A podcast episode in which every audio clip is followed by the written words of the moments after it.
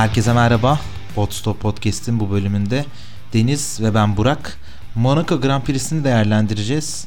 Ee, bizi her zaman olduğu gibi Spotify, YouTube, Apple Podcasts gibi kanallardan Podstop F1 hesabından takip edebilirsiniz.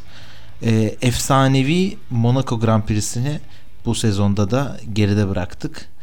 Ee, her zaman beklentinin e, böyle ışıltılı bir e, imkan tanımasından dolayı e, herkesin göz önünde olmasından dolayı çok yüksek oldu. Fakat genelde yarıştaki performans ve oradaki mücadelenin bu beklentiye göre hep geride kaldığı bir hafta sonu geçiyordu Monaco'da. Sence 2022 sezonu bu anlamda Monaco Grand Prix'si bizi tatmin edecek bir sonuca ulaştırdı mı diyelim. Bununla birlikte başlayalım yavaştan. Ee, tabii yani takvimde ne zaman Monaco yaklaşsa insanların içi bir kıpır kıpır olur. Formula 1 severlerin. Çünkü her zaman sezonun yani en çok beklenen birkaç pistinden bir tanesi Monaco sonuçta. Ee, yağmurlu bir Monaco'yu yağmursuz bir Monaco'ya tercih eder miyim? Çok emin değilim. Yağmursuz olmasını tercih ederdim. Çok da alışkın değiliz aslında. Ara ara denk geliyor ama e, biz kuru Monaco'ya biraz daha alışığız diyebilirim. Bizim bizim jenerasyon. Bir ara böyle içim geçmedi desem yalan olur. Böyle bir, bir 3-5 tur ulan gözümü kapatsam mı diye düşündüm. ee, ama sonlara doğru yani son mücadeleler ve pit tarafları böyle pit olaylarının olduğu dönemler uyandırmadı değil. Birazcık şey zamanında mı oldu artık bu e, kuru lastiklere geçildikten sonra hiçbir geçişin olmadığı dönemde mi başladı o şeyler? Uyku seansları. Tabii yani Alonso'nun başlattığı trenle beraber e, diyeyim ön tarafta da pek bir aksiyon göremeyeceğiz deyince böyle gözler yavaş yavaş kapanmaya başlamıştı. E, aslında Monaco Grand Prix'si yine her zaman olduğu gibi gözler açıdan tatmin etti. Yani spor dünyasından, ünlüler camiasından birçok ünlüye ev sahipliği yaptı ve oldukça e, yüksek beklenti içerisinde başladı. Antrenman turları ve sıralama turları e, kuru bir zeminde gerçekleşti fakat yarışta e, her şey değişti diyebiliriz. E, öncesinde istersen bir sıralama turlarına bakalım. Antrenman seanslarında her ne kadar e, Ferrari ön tarafta kendisini gösterse dahi Red Bull komple paket açısından daha böyle daha sağlam daha ayakları yere basan bir araç olarak görünüyordu. E, sıralamalarda da bu beklentiyi e, piste doğru e, yansıtmak için ellerinden geleni yaptılar. Fakat en kritik noktalardan bir tanesi de herkesin dikkatini çektiği gibi Sergio Perez e, bu hafta sonu boyunca Verstappen'den çok daha iyi durumdaydı. Zaten yapmış olduğu açıklamalarda e, kendisini araçta çok iyi hissettiğini, e, her şeyin yolunda gittiğini ve e, rahat bir şekilde e, performans vermeye odaklandığını söylemişti. E, bunu da zaten hafta sonu geri kalan zamanlarında e, görmüş olduk. E, sıralamalarda dikkat çekici performanslar e, bakmak istediğimizde Pierre Gasly Q1'de elendi Alfa Tauri pilotu. O da bir türlü istediği e, verimi alamadı araçtan. Yani e, birkaç birkaç haftadır e, bu durum ve bu performans devam ediyor ve takım patronu Franz Dost yani özür dilemekten başka bir şey söylemiyor şu an için Pierre Gasly'ye. E, zaten yayın sonuna doğru konuşuruz. E, ilerleyen dönemlerde Pierre Gasly'nin kariyeriyle ilgili kararında da çok etkili olabilecek e, zamanı kaybediyor olabilir Alfa Tauri. Burada da e, yine bu şekilde bir performans e, alamadı aracından ve iyi bir sonuç gerçekleştiremedi. Bunun haricinde Q2'de Valtteri Bottas Alfa Romeo'dan ve e, McLaren'den Daniel Ricciardo elendi. Haaslar iki araçla birlikte elendiler. E, son dönemlerde artık daha üst yerlerde görme alışkın olduğumuz araçlar, Haaslar e, Monaco'nun dar sokaklarında e, iyi bir performans sergileyemediler. E, Q3'e gelmiş olduğumuzda ise e, Ferrari pilotu Charles Leclerc e, pol pozisyonunu elde etti. E, çok etkileyici bir performansla ve çok iyi bir turla pol pozisyonunu elde etti. E, yani en yakın rakibinden böyle 0.2 hatta 0.3 saniyeye varan neredeyse e, bir fark elde etti. Takım arkadaşı Sainz arkasındaydı. Red Bull'lar Ferrari'lerin arkasına dizildiler. Perez kendini ön tarafta buldu. Çok ufak bir farkla Verstappen'i geride bırakmayı başardı. E, bunun dışında e, Mercedesler 6. ve 8. sırada yer aldılar. E, bununla birlikte aslında sıralamalarını da e, sonlandıran e, kazayı da e, şey yapmış oluruz. Üstünden de geçmiş oluruz e, istersen. Çünkü bu da artık bir Monaco gerçeği olmuş oldu. E, ne zaman bir e, son seansa geçilse pilotlar varını yoğunu e, zorlamaya çalışsalar e, burada mutlaka bir hata oluyor ve Monaco'daki hatalar da e, duvarların çok yakın olmasından dolayı da epey bir e, sıkıntı yaratabiliyor pilotlara. Sergio Perez e, tünelle girmeden önceki son virajda ayağını gaza biraz erken oturttuğu için aracın kontrolünü kaybetti arkasına ve bir kaza yaptı. Sonrasında da Sainz e, ondan kaçmaya çalışırken ona hafif bir temas etti. E, ama yolu da kapatmış oldular tünel yolunu. Bununla birlikte de sıralama seansı erken bitti ve Leclerc kendi evinde bir kez daha pol aldı. Sıralamalarla ilgili benim aklıma gelen şeyler genel özet bu şekildeydi. Senin böyle dikkatini çeken highlight e, verebileceğin daha farklı noktalar oldu mu gözümüzden kaçan? Sen çok güzel özetledin zaten. En başında e, Perez'le Verstappen'in e, hafta sonu özelinde Perez'in Verstappen'e daha yakın olduğunu görmüştük. Sen Perez tarafından açıklamayı yaptın. Verstappen de aslında bunu çok benzer açıklamalar yapmıştı. Aracın setup'ının aslında Monaco özelinde kendisine çok uymadığını, e, Perez'e daha uygun olduğunu söylemişti. Bunu da zaten hafta sonu özelinde görmüş olduk. E, takımların genelde ya, aynı aracı kullanan pilotların performans farkını görebil yani çok net görebildiğimiz pistlerden bir tanesi aslında Monaco. Çünkü biraz e, yetenek pisti burası. E, dar sokaklar, dar virajlar, e, bariyerler yakın geçmeniz lazım. Gazı doğru yerde oturmanız lazım, doğru yerde frenlemeniz lazım vesaire gibi. E, bunları aslında e, bu pistte de çok net gördük.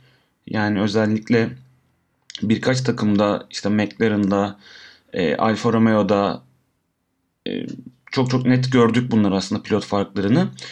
E, söylediğin gibi son andaki aslında sıralamaların sonundaki kazada aslında Perez'e e, yarış galibiyetinde getirmiş olabilir. Çünkü öyle bir kaza olmamış olsa ve Verstappen belki Perez'i geçmiş olsa sıralama turlarında son turdaki e, son haklardaki diyelim daha doğrusu e, bambaşka bir yarış stratejisi olması düşünülebilirdi ve yarış bambaşka bir yere gidebilirdi.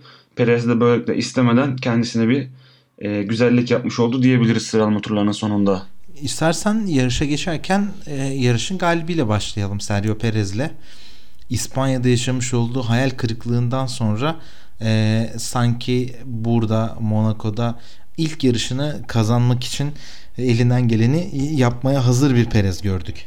Tüm antrenman seanslarında ve sıralama turlarında. E, o da burada tabii ki şansın da yardımıyla çok özel bir performans sergiledi geçişin bu kadar e, zor olduğu bir noktada ve yağmur yağıp sonrasında pistin kuruduğu bir e, ortam içerisinde e, çok doğru zarları doğru zamanda attı. Erken bir pit hamlesiyle kendini e, Leclerc'in önünde buldu. Sonrasında yine doğru bir strateji e, izledi, takip etti. E, erken pitten sonra önde kalarak sert lastiğe geçişte de e, önemli bir e, fayda buldu kendisi için. Tüm bunları arka arkaya koyduğumuz zaman e, Perez için gerçekten rüya gibi bir hafta sonu oldu diyebiliriz. E, bu rüya gibi hafta sonunda da çok ufak bahsetmemiz gereken birkaç not var. E, birincisi e, en çok yarış kazanan Meksikalı pilot oldu. Kendisi için de muhtemelen çok özel ve çok e, kritik bir e, dönemeç olduğunu düşünüyorum. Podyum töreninde zaten gözyaşlarını tutamayarak e, bunu dışarıda e, vurmuş oldu. Bir diğer nokta da bu kadar geçtiğimiz haftaki gibi şanssız giden hafta sonları olmasına rağmen yarış dışında kalınan e, yarışlar olmasına rağmen şu an şampiyona lideri Max Verstappen'in takım arkadaşının 15 puan gerisinde sadece. E, dolayısıyla Red Bull için de hem takım performansı açısından çok değerli hem de e, belki şampiyonluğun vermiş olduğu e, rahatlama ile birlikte özellikle son haftalarda Ferrari'nin düşen performansı ile birlikte ön tarafta kendini daha rahat, daha rahat hissetmeye başlayan Verstappen için böyle bir emniyet sibobu görevi de görebilir yani onun da sürekli kendisini e, e, motive tutmasını sağlayabilir diye düşünüyorum. E, bu anlamda Perez için her şey e, çok özel bir şekilde devam etti. Çok harika bitti. Yarış sonundaki basın toplantısında yeni kontrata yönelik bir şeyi ağzından kaçırmıştı. E, ama bugün biz de bu kaydı aldığımız saatlerde Sergio Perez'in e, kontratını e, iki yıl daha uzattığını e, öğrenmiş olduk genel anlamda herhalde e, bu hafta e, Perez geceleri çok uyuduğunu pek düşünmüyorum. Muhtemelen kendisini birazcık daha eğlenceye vurmuş ve bu e, başarının vermiş olduğu tatmini sonuna kadar e, yaşamaya çalışmıştır diye düşünüyorum. Bugün Twitter'da zaten senin söylediğini çok destekleyen bir e, video gördüm ben de. Tekneden iniyor şey e, Perez. Muhtemelen dün ya da yarış sonrası çekilmemiştir. Muhtemelen dün çekilmiştir diye tahmin ediyorum. Pazartesi günü yani e, bayağı sarhoş bildiğin yani. Alkolü biraz fazla kaçırmış. Böyle teknenin merdivenlerinden inip ufak yani yat yat diyeyim daha yattan inip bir zodyak gibi bir şeyle karaya gidecek muhtemelen ve ayakta bile duramıyor. Birkaç kişi koluna girmiş. E, şekilde taşıyorlardı yani. Ne kadar o da e, keyifli olduğunu gösteriyor bize. E, geçen haftaki yarıştan sonra konuşmuştuk yani e, takım emirleriyle beraber yani takımda konuşmamız gerekiyor bunları demişti zaten yarışın sonunda. E, bu yarıştaki performansı ne kadar aslında Ferrari'nin biraz olsun e, tepside galibiyeti Perez'e sunmuş olmasına rağmen e, motivasyonunu ne kadar düşürmediğini ve her zaman yüksek tuttuğunu, konsantrasyonun ne kadar üst seviyede olduğunu ve e, bu gibi e, fırsatlar eline geçtiğinde e, bunları her zaman e, galibiyete çeviren bir pilot olduğunu gösterdi bize Perez ve böylelikle de dediğin gibi e, yeni kontratı imzalamış oldular. Hatta öncesinde imzalamışlardır muhtemelen. Ne kadar doğru bir tercih olduğunu e, Red Bull tarafı da göstermiş oldu. E, söylediğin nokta çok çok kıymetli. E, bu gibi ikinci pilotların olması takımlarda birinci pilotları gerçekten e, motivasyonunu yüksek tutan ve farkındalığın durmadan e, belli bir noktada belli bir odak noktasında olmasını gerçekleştiren pilotlar. İkinci pilotlar genelde hem takımı destekleyemediğinde hem birinci pilotu destekleyemediğinde birinci pilotlarda da ister istemez biraz motivasyon kaybı ya da konsantrasyon kaybı yaşanabiliyor ama Red Bull tarafında bu kesinlikle e, Perez'in de takımı desteklemesiyle beraber çok çok üst düzeyde aslında Verstappen'in motivasyon motivasyonu odağını yüksek notada tutması anlamında.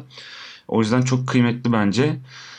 E, diyelim istiyorsan yani yarışın artık bu yarış özelinde tur tur mu yapsak nasıl yapsak bayağı e, yarışın başlaması olay, ortası olay, bitmesi evet. olay evet çok çok farklı şeyler var çünkü. Evet evet konuşulacak çok şey var ama sen söylediğin için sadece Verstappen'e burada bir ufak bir parantez açmak istiyorum. Yani her ne kadar aracıda kendini çok konforlu hissetmediği bir hafta sonu geçirmiş olsa dahi şampiyonadaki rakibin e, rakibi Leclerc'in önünde yarışı bitirmesi yani kötü hafta sonlarında da kazanmanın ne kadar önemli olduğunun e, bir ispatı gibi oluyor. O yüzden bu sebeple Verstappen de bence bu hafta sonlarının kesinlikle kazananlar arasında e, yer alıyordu diye düşünüyorum. Söylediğin gibi yarışta konuşacak çok şey var.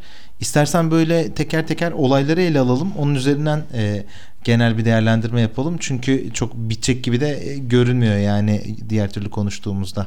Evet evet. Ee, yarış zaten hani biz başlamasını beklerken çok çok geç başladı yarış. Biz tabi yarışı izlerken e, yağmurla beraber çok ciddi bir yağmur gelmesi bekleniyordu ve yarış başladığı andan itibaren çok ciddi bir şekilde yağmur devam edeceği için e, yarış bir süre geç başlayacağını söylemişlerdi. Fakat burada tabi biz e, uzaktan izlediğimiz için tabi detaydan bilmediğimiz için konuların e, durarak start olmadığında önce hava şartlarından demiştik. Daha sonraki kırmızı bayraklar sonrasında da durarak start olmadığını görünce bugün biraz bakma şansım oldu. Yağmurla beraber start sistemlerinde bir arıza yaşandığı ve elektronik sistemlerdeki arızalardan dolayı aslında o start prosedürünün doğru işlenemeyeceği için e, durarak start alınmadığı bilgisi vardı. E, bilmiyorum sen de görme şansın oldu mu? Evet evet gördüm gördüm gördüm. Yani çok çok acayip bir e, nokta yani. Bunun bir e, yedeğinin olmaması ya da alternatif bir şeyin olmaması bana çok mantıklı gelmiyor. Yani en azından yukarıda tabela olarak hani o trafik ışıkları gibi yukarıda olan bir sistem olur. Ama bir tane de bence hani yarış kontrolün olduğu yerde pisti görebilecek bir noktada da e, farklı bir ışıklandırma sistemi de olsa hani yedek olarak mantıklı olur diye düşünüyordum. Ee, ama yokmuş yani. Bu da birazcık şey oldu, değişiklik oldu. Bence FIA'nın önümüzdeki haftaki yarışlarda kesinlikle e, buna bir çözüm bulacağını düşünüyorum. Çünkü yani ıslak zemindeki bir Monaco startını izlemeyi herkes isterdi. Bence kimse hayır demezdi. Kesinlikle isterdik. Ee, hani ilkini anlarım evet çok su birikintisi var ve start finish düzlüğü çok kaygan olabiliyor. Hani bunu anlarız. Ama sonrakilerde kesinlikle bence durarak başlayan mayı hak eden bir pozisyondaydı yarış ki özellikle e, son starttan sonra Red Bull'ların orta hamurlarla e, Ferrari'lerin sert hamurla başladığı son startın özellikle ben durarak olmasını çok çok isterdim. Bununla birlikte zaten yarışta güvenlik aracının arkasında başlamış oldu hareketli start ile birlikte. E, dolayısıyla yani yarış başındaki aksiyonları e, kaçırmış olduk. E, son formasyon turlarında e, hatırlamıyorsam Stroll ve Latifi e, bariyerlere ufak bir temas yaşamışlardı. Ama sonrasında onlar da tekrardan toparladılar. Yarış bu şekilde turlar atılarak başlandıktan sonra e, Stroll Latifi ve Gazli'de de yanlış hatırlamıyorsam e, geçiş lastikleri kullanılmaya başlandı yeşil logolu. E, onları takip eden pilotlar da e, lastik stratejisiyle ilgili kendilerine bir e, çıkarım yapmak istediler. Çıkarım e, bulmaya çalıştılar. Buradaki en kritik nokta bence Carlos Sainz'dı. Son zamanlarda özellikle performansı sorgulanan istenilen seviyede olmadığı söylenen Sainz e, net bir şekilde e, pit garajı onu e, pite çağırdığında garaj onu pite çağırdığında hayır gelmeyeyim. Bence hani ıslak zemin lastiklerinden direkt olarak e, siliklere geçmemiz daha sağlıklı olur. Yani e, şu an için bunları yeterince ısıttım iyi noktada bulunuyor lastikler. E, bir değişiklik yapmayalım dedi. Ve yani o kadar doğru bir e, yönlendirme yaptı ki e, benzer turlarda pite gelen isimler bile aynı değişikliği yapmak durumunda kaldı ve Sainz'a da bu ön alanda oldukça önemli bir fırsat sağladı diye düşünüyorum. E, ve bu şekilde de mavi logolu lastiklerden siliklere geçişi e, ilk defa da burada e, izlemiş olduk diye düşünüyorum. E, burada iki tane önemli nokta var aslında bu söylediğin konuda. Birincisi e, şu e, Carlos Sainz'ın siliklere geçtikten sonraki ilk turu Latifi'nin yani turu yen pilotun e, yol verememesinden dolayı yani e, geçememesinden dolayı çok çok yavaş kaldığı için e, aslında Perez'in arkasında kaldı. Yani önümde şimdi tur zamanları var.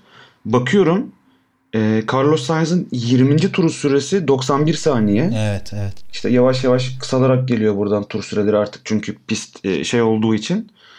A 21. turu 107 saniye. Yani burada çok ciddi bir şey var. E, zaman kaybı var. Bir sonraki turda zaten e, tekrar 90 saniyelere geliyor. Yani orada bir 12-13 saniyelik yaklaşık bir zaman kaybı var. O da Latifi kaynaklı. Ama o zaman kaybın içerisinde pit pit de yaptı. 21. turda pit de yaptı. E, o da dahil olabilir oradaki ee, Sanırım o e, çıktıktan sonraki hali bu. Yani o çünkü ben de bir yerde okuyorum bunu. Evet hariç, hariç olan. olan. Ya da en azından hani o Latifi'nin kaybettirdiği turu tur süresini göstermek için yapılmış bir grafik gibi görüyorum ben şu anda. E, zaten kendisi de yarış sonrasındaki açıklamalarında bunu bolca dile getirdi. Yani tur 7 pilot tur e, hani mavi bayrak sallanan pilotluğu geçmekte zorlandığı için ve yavaş kaldığı için olduğunu söylüyorlar. E, ikincisi de aslında e, Perez'in stratejisinin de e, çok doğru olmuş olması. Yani Perez'i Inter'lere 16. turda biraz erken alarak yani neredeyse bütün pilotlardan erken Hamilton'dan bir tur sonra. Bakıyorum şu an tekrar ben de şeye. Evet. E, 15'te evet, Hamilton evet. Vettel'le çıkıp Inter'e geçiyor. Hemen arkasında 16'da Perez e, Vettel'i çıkartıp Inter'e geçiyor. Ve çok ciddi zaman turları atıyor. Yani ilk sıradaki Lökler'den çok ciddi zaman almaya başlıyor. Ki zaten aslında olay burada kopuyor. Bir kritik nokta da tabii Evet Perez zaten o lastik değişikliği yaptıktan sonra önünde bir boşluk yakalıyor. Onun da tabii etkisiyle çok daha rahat turları e, atmaya başlıyor. Diğerleri daha trafik içerisinde dönerlerken Perez biraz daha kendini rahat bir alanda buluyor. Ve tabii her şeyi değiştiren nokta oradan başlıyor senin de söylediğin gibi. Bu 21 tur attı Carlos Sainz ıslaklarla, mavi logolarla diyelim. E, Perez 16 tur attı. 6 turda yeşillerle gitti, interlerle gitti. Yani tam aslında o ya 16. turdan 22. tura 6 turdaki Inter'lerle çok ciddi bir e, zaman turu elde etti ve böylelikle de e, kendisini en önde buldu. Tabii Carlos Sainz'ın dediğimiz gibi yani arkada kalmasıyla alakalı bir problem yaşandı. E, burada tabii e, Lökler'in e, strateji hatası ona pahalıya patladı. Ya tabii burada şimdi ben yine biz yarışı izlerken hepimiz aynı yanılgıya düştük. Çünkü çok saçma bir telsiz şeyi geldi yani. E, Lökleri çağırdıktan sonra dışarıda kal dediler. O da çıldırınca biz de dedik yani saçmaladılar herhalde Ferrari. Yani e, nasıl böyle bir hata yapıyorlar diye düşündük ama sonra baktığımızda aslında e, çok çok yanlış karar değil yani verdikleri yanlış karar aslında 18. turda maviden çıkartıp yeşile geçmeleri oldu ama ya bu da aslında çok yanlış bir karar olmayabilirdi. Pist çok hızlı kurudu. Yani bir anda pist kurudu. Mesela 16. turda Perez'i aldılar Inter için. Çok iyi zaman turlar atmaya başlayınca 18'de de Lökler'i aldılar. Ama tabi orada hem Perez arayı kapatıyordu yeşillerle hem de pist şey olduğu için e, Lökler'in maalesef kuruduğu için zaman kazanamadı. Yani o yeşilleri çalıştıramadı. 3 tur sonra siliklere geçmek zorunda kaldı. Yeşillerde lastik ısısını ayarlayamadan zaten bunu değiştirmek zorunda kaldı. Ve bence bir diğer kritik nokta da Verstappen'le aynı anda pite girdi. Yani ister istemez orada da bir kontrol yapıp arkayı önü kollaması e, gerekiyordu. E, o yüzden rahat bir performans atamadığını düşünüyorum ben de. Bir de e, şöyle şimdi 21. turda Carlos Sainz pite girerken aslında e, amaç şuydu diye düş sonra okudum ben de. Carlos'u alıyorlar e, silik için. Arkasından Lökler geliyor. Lökleri bir tur sonra alıp Sainz'in önünde çıkarmayı planlıyorlardı aslında. Ama yani e, orada işte çok saçma bir hata oldu yani. Nasıl o, bilmiyorum hemen o, o tur çağırdılar. Çünkü dışarıda kalmış olsa e, yine arkasında kalacaktı muhtemelen. Çünkü Inter'ler hiç iş yapmıyordu. E, ama yani Carlos'un da arkasına çağırınca zaten şeyi Lökleri e, sen direkt zaten e, Carlos'u geçemeyeceği için zaten yarış kazanmasını engellemiş oldun. E, bir de şeyin Perez'in performansı iyi olunca e, iyice şey oldu. Bir de arkasından e, Perez e, Sainz pitteyken 2-3 saniye arkasında beklemek zorunda kaldı. Çünkü arka arkaya girdiler. E, o sırada da Verstappen önüne geçti hemen. Çok ufak farklarla yani. E, tamamen Ferrari için Lökler tarafında e, bir fiyasko oldu. Sainz için bence doğruydu. O da trafiğe takılmasa kazanan stratejiydi ama işte Formula 1'de böyle çok ufak farkların çok çok ufak yani kararların ve farkların e, bir anda sizi çok kötü yere getirdiğini ya da en tepeye çıkardığını görebiliyoruz yani. Öyle bir spor işte bu da. Daha sonra 30. turda e, bu sefer kırmızı bayraklar geldiği zaman e, konu birazcık daha farklı olmaya başladı. E, bu sefer de e, pitteyken pilotlar e, lastik değişimleri yapmaya başladılar. E, Perez, Verstappen, Russell, Hamilton, Alonso e, neredeyse yani ön tarafta olabilecek önemli isimler orta hamura geçtiler. Sıfır set bir orta hamur taktılar. Fakat e, Leclerc ve Sainz mevcut lastiklerini hiç değiştirmeden devam ettiler. E, bu durumla ilgili neler düşünüyorsun? Yani orada e, senin hani gözüne çarpan şey ne oldu? Bu arada yani bunun sebebini de bir yandan açıklamamız gerekiyor. E, Mick Schumacher'in kazası tabi buna sebebiyet oldu. Epey de ciddi bir durumdu yani gerçekten hepimizin yüreği ağzına geldi. E, neyse ki sağ salim aracından kurtuldu. İstersen bu hem strateji hem de Mick'in kazasını birlikte değerlendirelim. Ya Mick'in kazasıyla başlayalım istiyorsan. Geçen sene artık bu özellikle Grosjean'ın kazasından sonra bu gibi kazalarda artık ekrana getirmiyorlar. Pilotun iyi olduğu haberini e, almadan pilottan e, aracı ve pilotu göstermemeye özen gösteriyorlar. Bu bence çok doğru bir karar aslında. Ama bir yandan da insanı gerçekten çok merakta bırakıyor. Yani pilotun belki kıpırdadığını görüyorsun, dışarı çıkmaya başlıyor yavaş yavaş ama bize hala görüntü gelmediği için e, çok merak ediyoruz. Çünkü çok ciddi bir kazaydı. Aracın arkası güvenlik sebebiyle aslında kopuyor ama e, bir yandan çok ciddi şekilde korkutucu bir e, görüntü oluşuyor.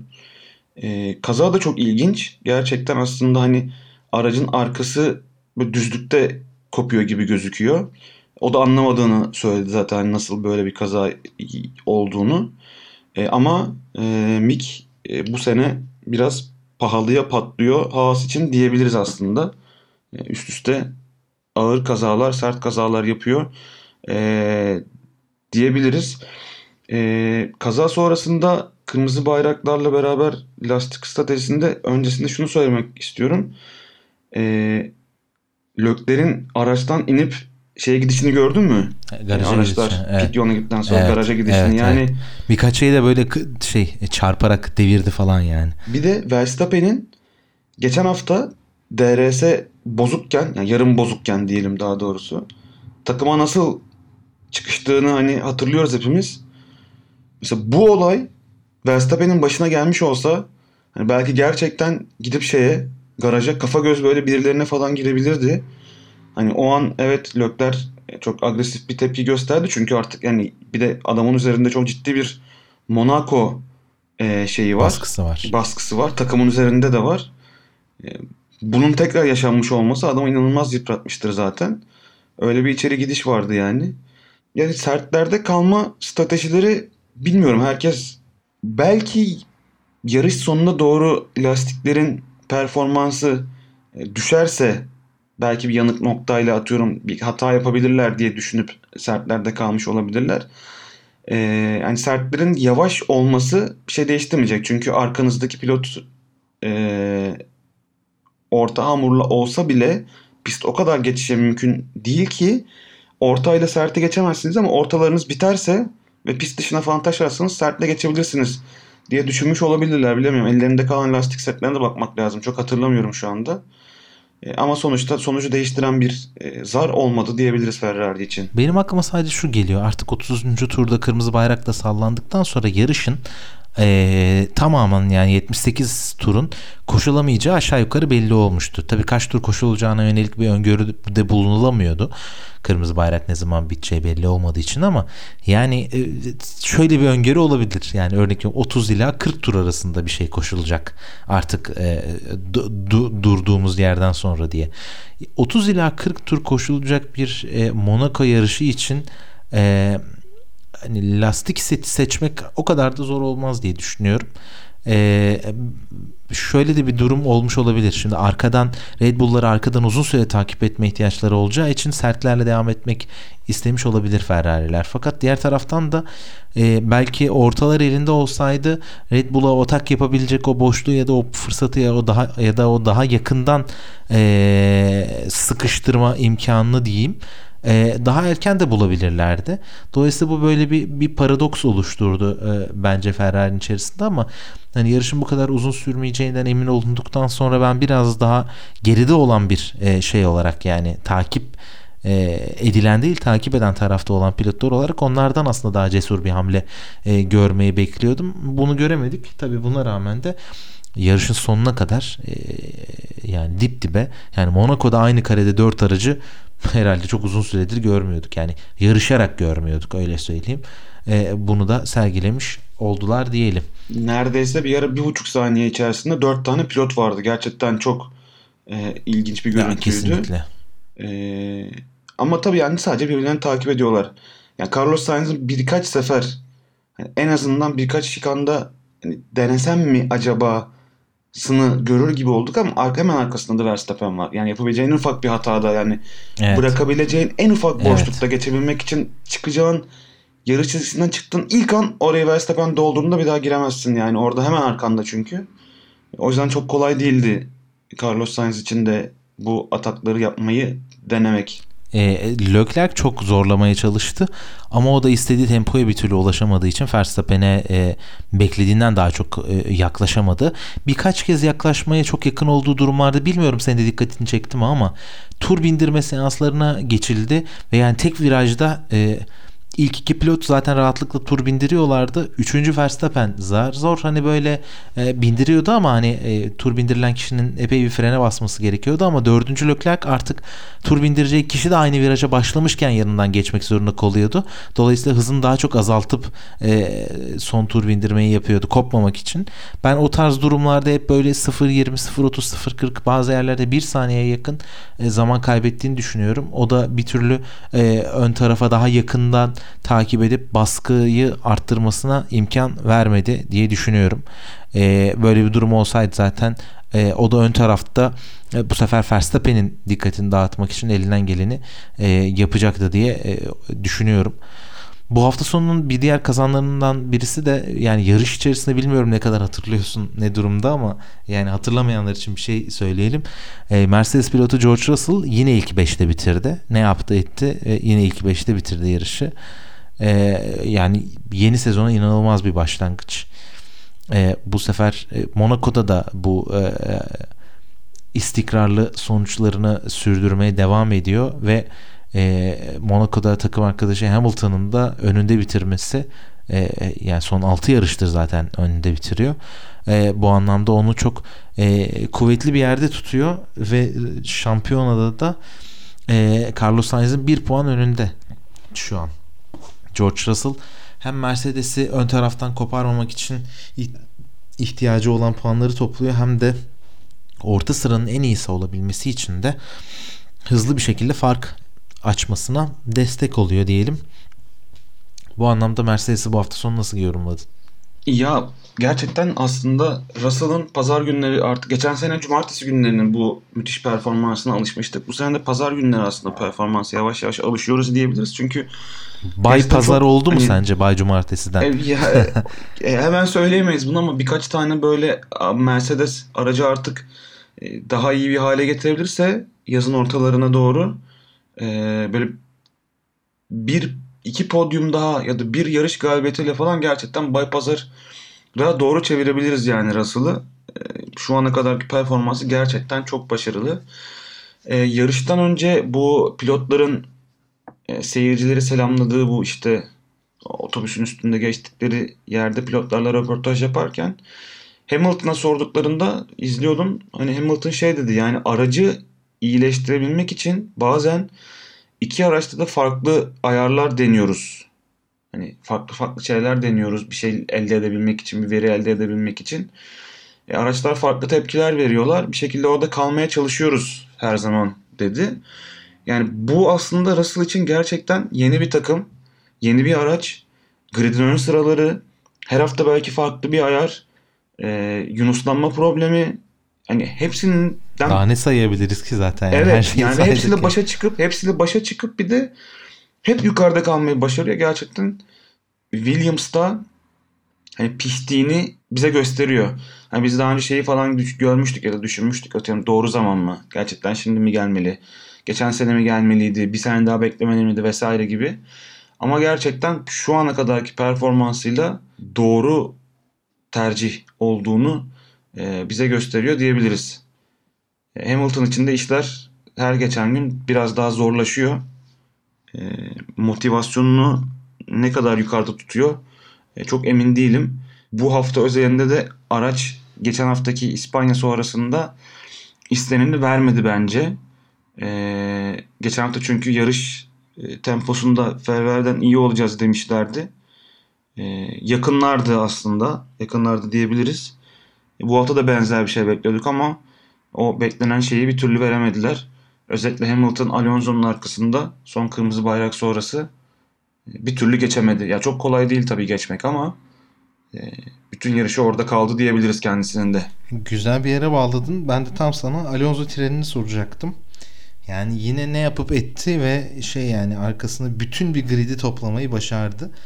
Bilmiyorum sosyal medyada paylaşıldı eminim dinleyicilerimiz de görmüştür ama bir ara öyle bir radar vardı ki yani sürücüler radarı Alonso'nun arkasında gridin tamamı ön tarafta ise işte 6-7 tane pilot e, liderin arkasında turlamaya çalışıyorlar. Yani öyle bir durumdaydı.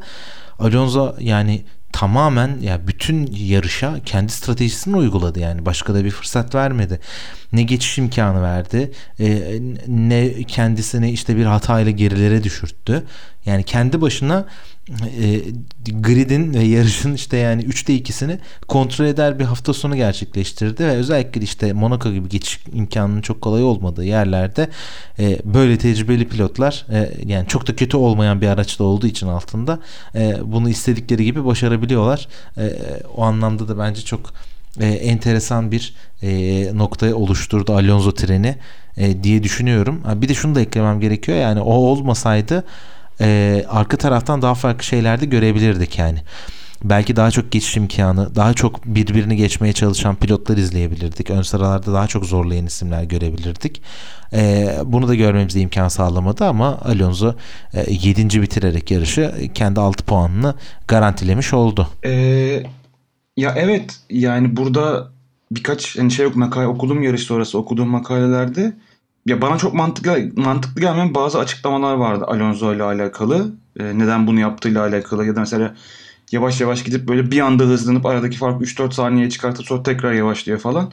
Hani önünde de araç yok. Önünde çok ciddi bir kuyruk var. Sonrasında zaten yavaş yavaş hani artık geçiş yapılamayacağı anlaşıldıktan sonra e, artık şey de oldu yani çok e, bambaşka bir yere gitti dediğin gibi. Eğer öyle bir şey olmasaydı yarışın seyri ne tarafa giderdi onu da görmek ya da anlamak çok mümkün değil. Şimdiden bir şey söylenemez ama e, ilginç bir taktik oldu diyebiliriz. Yani sonuçta gaza basmış olsaydı ne fark ederdi e, açıkçası çok bilemiyorum. Bununla birlikte arka sıralarda kalan e, ama önemli bir performans e, sergileyen e, Valtteri Bottas'a da değinmek istiyorum ben.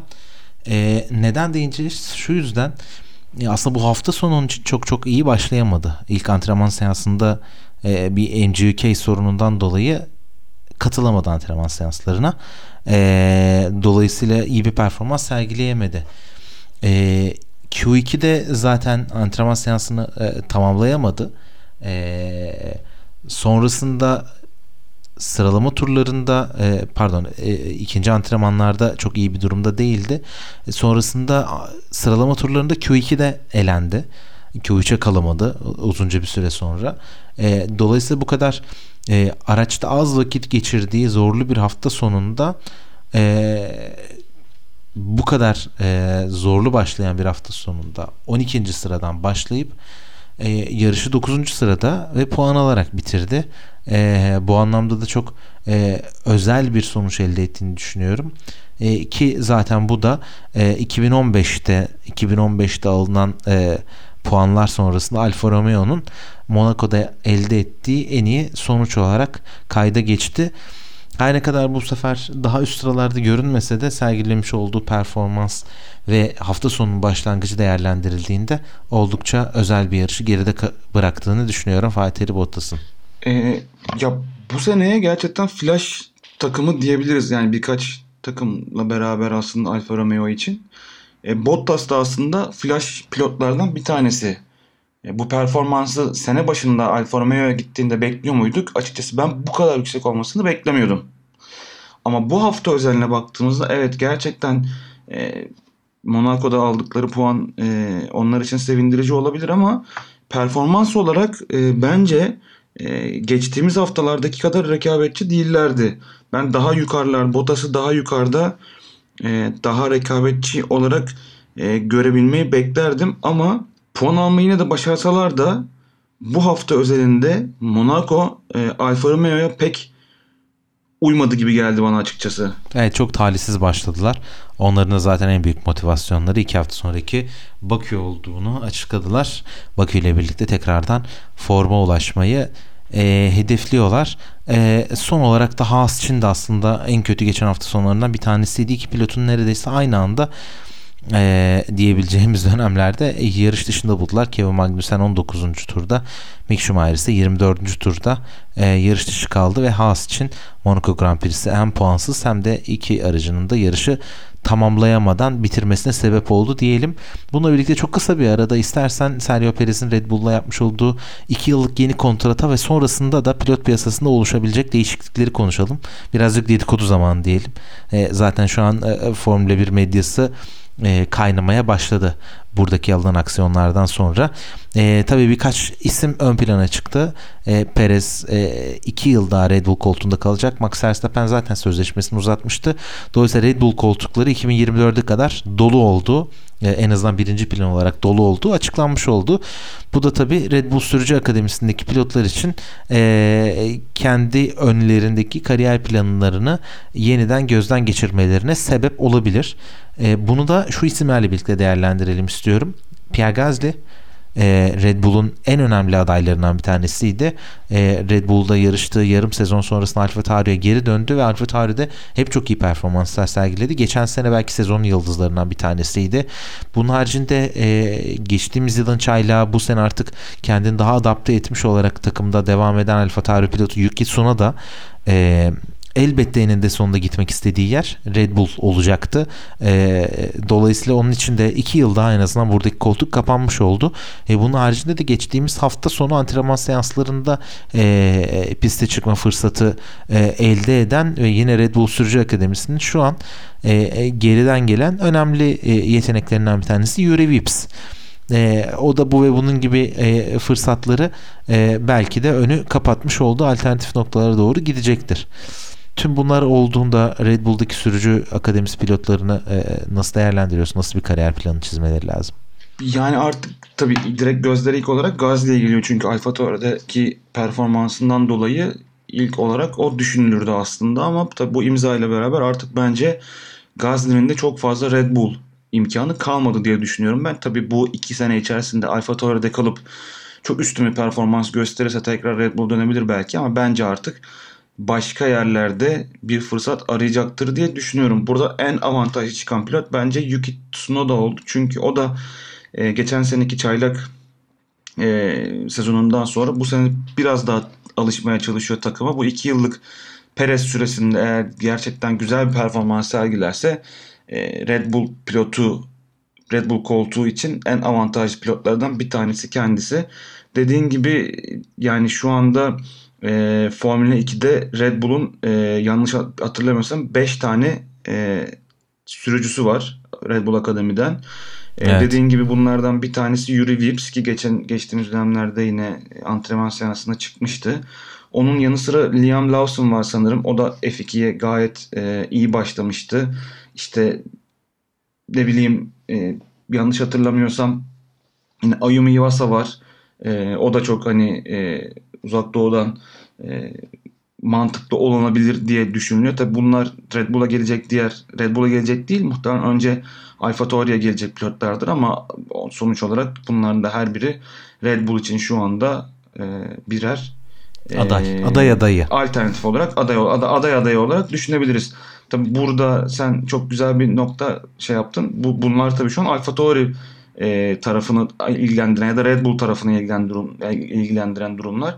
Tabi burada bir de e, Gazli'nin Alfa Tauri'de kalmayıp başka bir takıma gittiğinde o takımlardaki pilotların da e, bir farklı takıma kaymasıyla beraber aslında pazar yine e, bayağı hareketlenecek.